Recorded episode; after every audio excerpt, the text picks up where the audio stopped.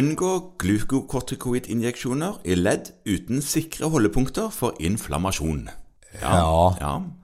Det, det høres jo umiddelbart veldig opplagt ut.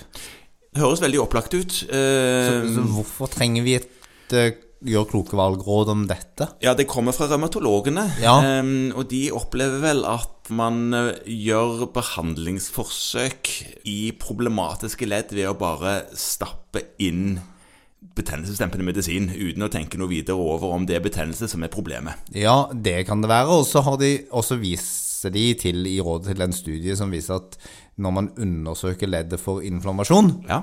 med ultralyd, så, så viser det seg at hvis man kan bekrefte den inflammasjonen der, så, så kan man gi steroider også i tilfeller der kanskje ikke de kliniske symptomene er så åpenbare.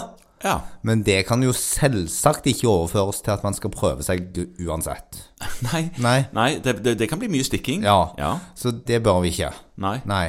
Og det er veldig fristende som fastlege noen ganger å gripe til sprøyten, Ja. fordi at steroider i sånn solid dose, det hjelper jo mot alt. ja, bortsett fra døden. Maskerer alt bortsett fra døden. Ja. ja. Så det har en kjempegod smertestillende effekt. Ja, det har det. Ja. Og i, i større ledd, f.eks. knær, Ja. og til dels òg skuldre, Ja. så er det relativt enkelt å treffe uten at du trenger å veiledes av noe ultralyd. Ja. Så det er nok de leddene det syndes mest mot. Ja, så du må være helt sikker på at det er en ordentlig inflammasjon. Ja, Og det er, for å gjenta det, da, en inflammasjon er en betennelse. En Betennelse, ja. Ja. Før du vurderer å sette det.